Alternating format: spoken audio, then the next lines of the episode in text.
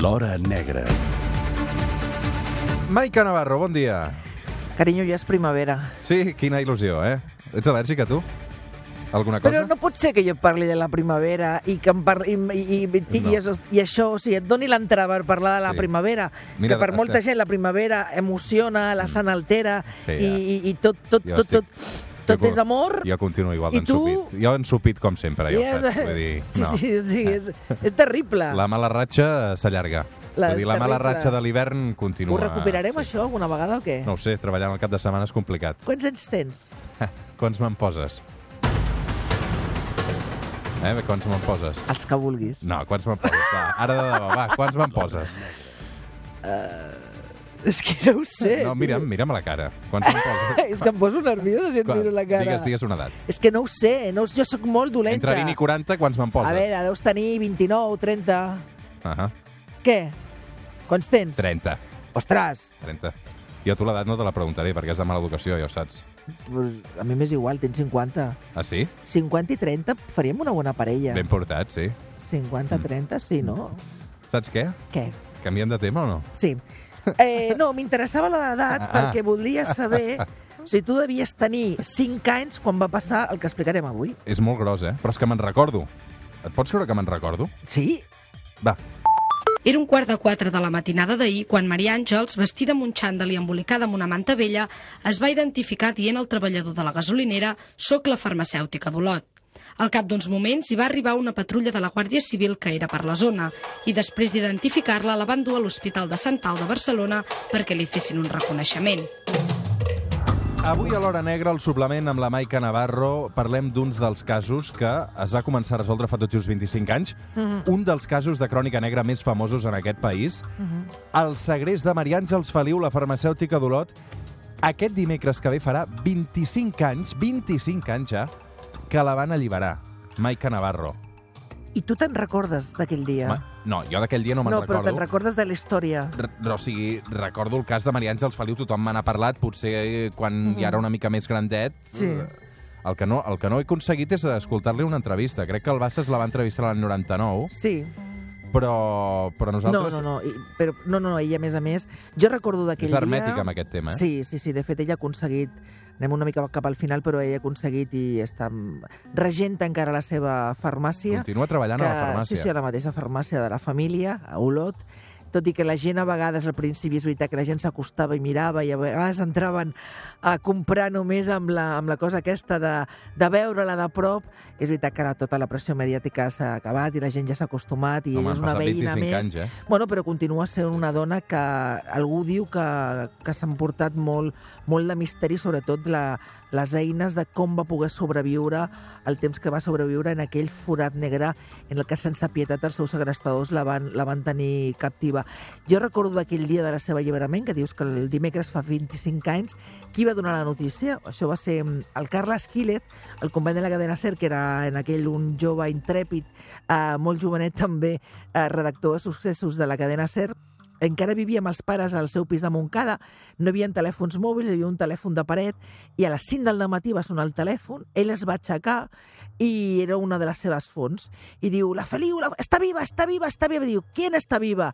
La Feliu, la Feliu. I ell, explica que... Però com pot ser que és mentira? Ostres, Quílez, que la tengo delante, que està viva. Es va posar a tremolar, va penjar, va trucar a la cadena SER i va tallar la- l'emissió, que a més a més els seus creus diu, però està segur? Diu, que sí, que la tenia delante, que està viva. I va, i va entrar Carlos Quílez en directo a cadena SER diciendo, la farmacèutica d'Olot està viva. Avui al suplement recordem el cas de Maria Àngels Feliu. Ayúdame. Por favor, papá. Por favor. Esto va en serio. Pagad. Y pronto estaré en casa. Si no, esto va a durar mucho. Pues a la pell de gallina va escoltar-la, eh? Pell de gallina. Això és a principis de desembre del 92. Una amiga de Maria Àngels Feliu va rebre aquesta gravació a casa seva. És la veu de Maria Àngels demanant que paguin un rescat. Uh, Posem-nos una mica de context.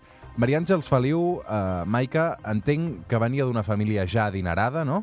Sí, venia una família adinerada i, de fet, aquest va ser l'únic element que van, que van tenir en compte els segrestadors doncs, per, per, per, per, per emportar-se-la. En un principi era jo petició... Eh, parlem de que estàvem, estem parlant d'uns moments en què era- estàvem un país acostumat als segrestos, però no als segrestos de l'organització terrorista ETA. O sigui, el segrest formava part del, del tant, dia a dia. En, en un primer moment però... es pensava que era ETA? Mm, no, perquè no, perquè ETA no havia tingut en aquell moment els segrestos d'ETA.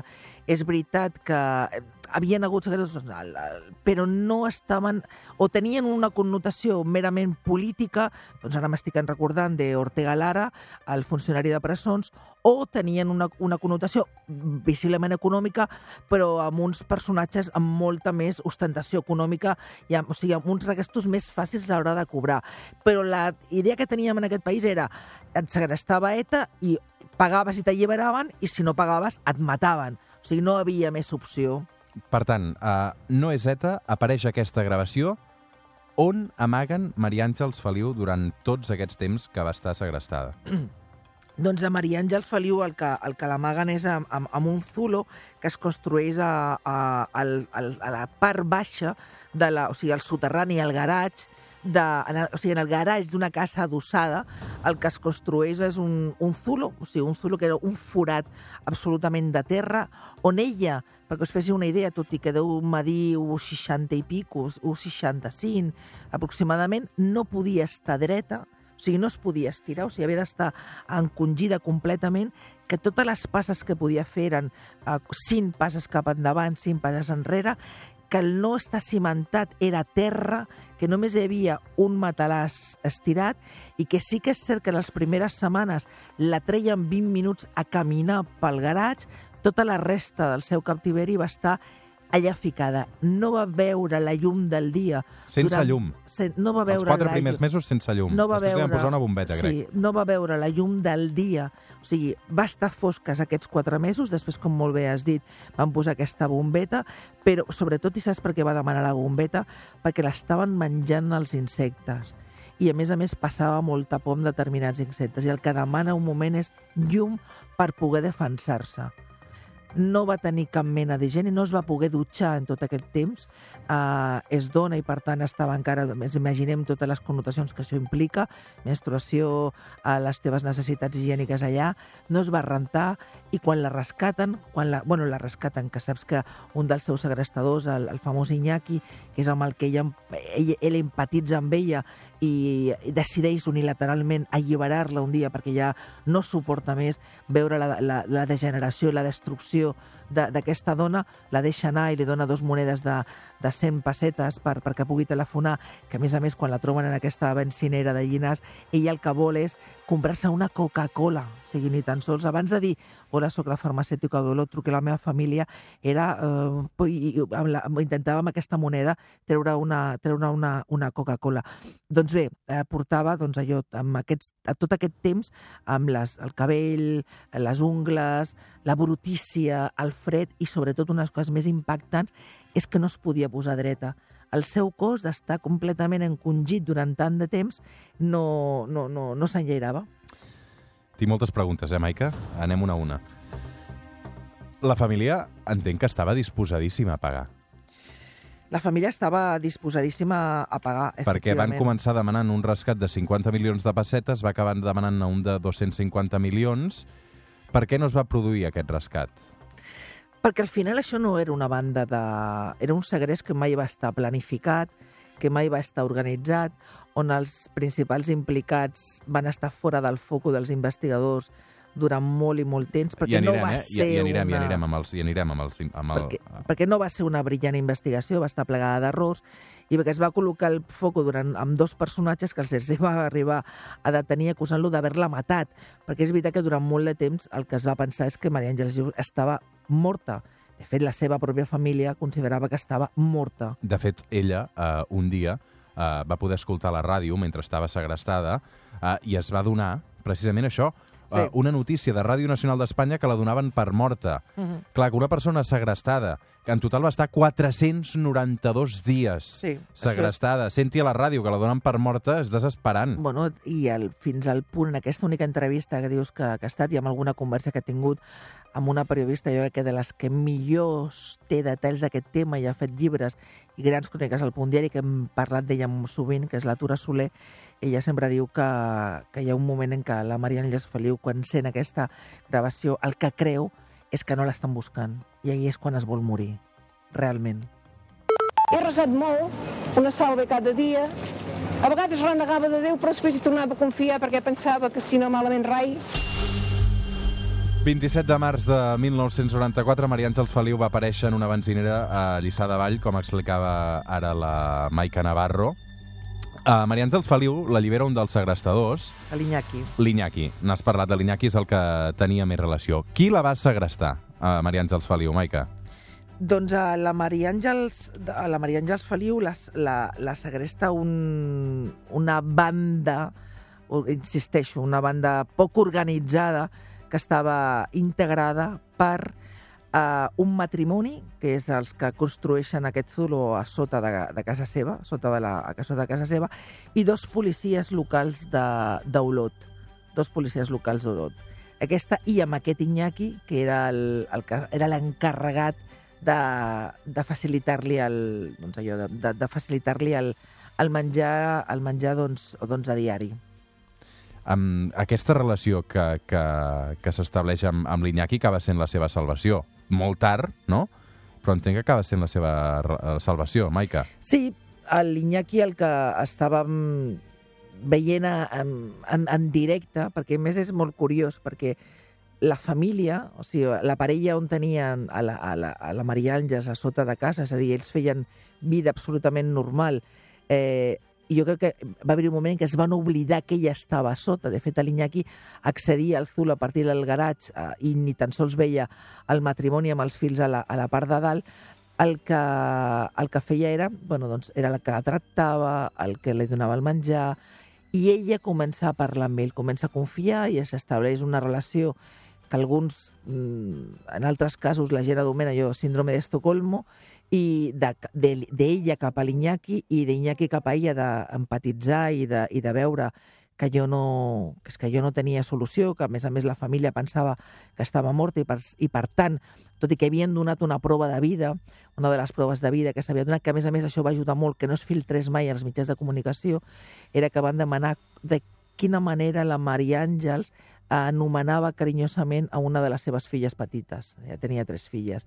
I aquesta, Tres filles, eh? Mm, I aquests tres fills, no sé si eren nen o... Però la, la petita tenia, una, tenia un nom amb la que li, li deia de manera carinyosa i aquesta paraula que va tras, es va traslladar a la família va servir doncs, per tornar a recuperar la, el fil de- d'esperança de, de que podia estar viva, perquè només ella li podia haver dit, tot i que podia ser una cosa que li hagués dit abans en el principi, però tot i aquesta prova de vida que va esperançar novament el, el, el que era el seu marit i, i especialment els pares, eh, l'alliberació i el pagament no es produïa i finalment l'Iñaki un dia, doncs, aprofitant que la família dalt dormia, doncs, va agafar, la va treure d'allà i la va portar fins a Llinars amb una bencinera amb aquestes dues monedes de, de 100 pessetes i li va demanar perdó i, i de fet ella mai ha parlat malament de, de l'Iñaki i entre altres coses doncs perquè era una mica la seva, va ser la seva salvació per no tornar-se boja i és veritat que la religió, i això passa sovint amb, amb persones que han estat segrestades i ho explicava també a l'Ortega Lara amb unes condicions molt, molt, molt característiques, en un temps més o menys similar. Ortega Lara com a ETA, amb delinqüència, amb, amb, amb banda terrorista, i Maria Àngels Feliu, de delinqüents comuns, han estat els, els dos, les dues persones segrestades més temps en Espanya i, a més a més, amb, que han sobreviscut.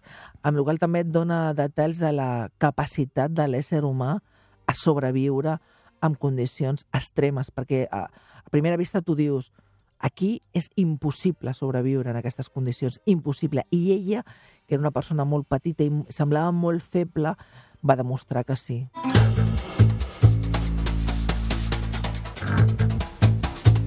Avui, al suplement 25 anys després del cas de Maria Àngels Feliu, el judici no va començar fins l'any 2002. Uh, Maica, 10 anys després dels fets. Um, com va acabar les penes de presó? Perquè aquí hi havia molts implicats. Uh, també com és que va començar tan tard, això? Recordo que uh, l'advocat de Maria Àngels Feliu és el Carles Monguilot, que és Ah. col·laborador d'aquest programa. Uh, també n'hem parlat el, alguna vegada. Um, Va, que de fet amb el, també és un dels que desperten aquella matinada i tampoc, eh, i tampoc s'ho acabava, acabava de creure. El... Deixa'm explicar-te una altra anècdota del Carles Quílez. En aquests dos principals implicats, on, on, on t'explicava abans que estava construït el Zulo i que ells van mantenir aquesta fredor. A mi, a mi m'ha impressionat molt, eh? quan vaig estar a la casa de, de Sant Pere de, de Torelló, que és on estava situat el Zulo, ells feien vida dalt, vida dalt. I a més a més hi havia una anècdota que tenien unes... Ell cuidava serps que a més a més tothom deia, hosti, cuidava millor les ceps que la dona que tenia a baix, perquè hi havia un moment que ell, el Ramon Ullasta amb la seva dona, amb la Montserrat Teixidor, es van oblidar de que sota de casa seva hi havia una dona. Es van oblidar. O sigui, hi havia moments que la Guàrdia Civil deia la Maria Àngels Feliu s'hagués mort i aquests dos de dalt no s'haguessin donat compte. O sigui, la, saps, Eh, en el seu xip mental, o sigui, era com si allò de sota no existís. doncs bé, del Ramon Ullastre, perdona, no teníem imatge. De fet, ell havia assistit al judici, amb, amb, es, es caracteritzava amb perruques i de més. I un dia, en, en, en, en, entrant en aquest, aquest en el, a l'audiència de Girona pel, pel judici, tot envol, hi ha una escena que és tot envoltat de periodistes i molts de ràdio que li posen els micròfons, els companys de Catalunya Ràdio, de totes les ràdios. I de sobte el, el Carlos Quil després al costat diu Ullastre, ¿dónde has comprado la peluca? I llavors el tio ah, aixeca el cap per dir qui m'ha preguntat això? I el moment d'aixecar el cap és aquesta una, una, hi havia davant un fotògraf que fa una fotografia que és la única de les poques que teníem per veure la, el rostre del, del Ramon Ullastre, que és una, bueno, unes tècniques que tenia Quilet de sota per aconseguir una premiació. Bueno, em preguntaves... per les és- penes, per exemple, l'ullastre quan li va caure? doncs mira, el Ramon Ullastre m'ho ha apuntat aquí per, no, per, per portar-ho molt... per portar-lo allò, per, per no, per no equivocar-ne. L'Ullastre es va considerar com el cervell de, de, de tota la- de tota la- l'operació i el van condemnar a 22 anys de presó. La seva dona, que era la Montserrat Teixidor, que era la que s'encarregava de fer la, la, el menjar per la Maria Àngels i que, insisteixo, feia vida normal a dalt amb ella sota, 18 anys de presó. I després tenim l'Antonio Guirado, que és aquest policia local d'Olot, 22 anys, i després el José Luis Paz, eh, alias El Pato, que també un altre dels dels implicats, 14 anys de presó, i el Sebastià Comas, 17 anys de presó. L'Iñaki està en llibertat ja, no? Tots estan en llibertat, Tots? tots estan al carrer, tots estan amb...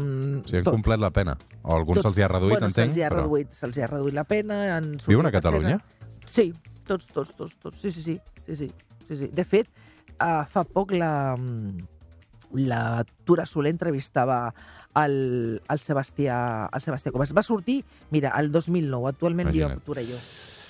Maica Navarro, moltes gràcies avui per uh, aquest record, també 25 anys després del segrest uh, de Maria Àngels Feliu, també són el record, evidentment, de tots els oients, de ben segur, després de 492 dies de captiveri, que es diu aviat. És molt curiós perquè la casa on va estar, la casa es va, la van, se la va quedar al van i l'actual propietari ha deixat l'entrada del Zulo i de fet tu, com Mhm. hi ha gent que encara va i li pregunta és veritat que aquí va estar segrestar la Maria Àngels Feliu? Et fa passar al, al garatge i t'ensenya la porta ja blindada que donava pas a, a aquest Zulo indigne, on persones indignes van, quasi mat, van voler matar en vida amb aquesta dona. Maica, moltes gràcies per tot, que vagi molt bé. A gaudir de la primavera aquest cap de setmana. Unes floretes. Enteniment, que diu la meva àvia. Vinga, Enteniment. pausa i tornem al suplement.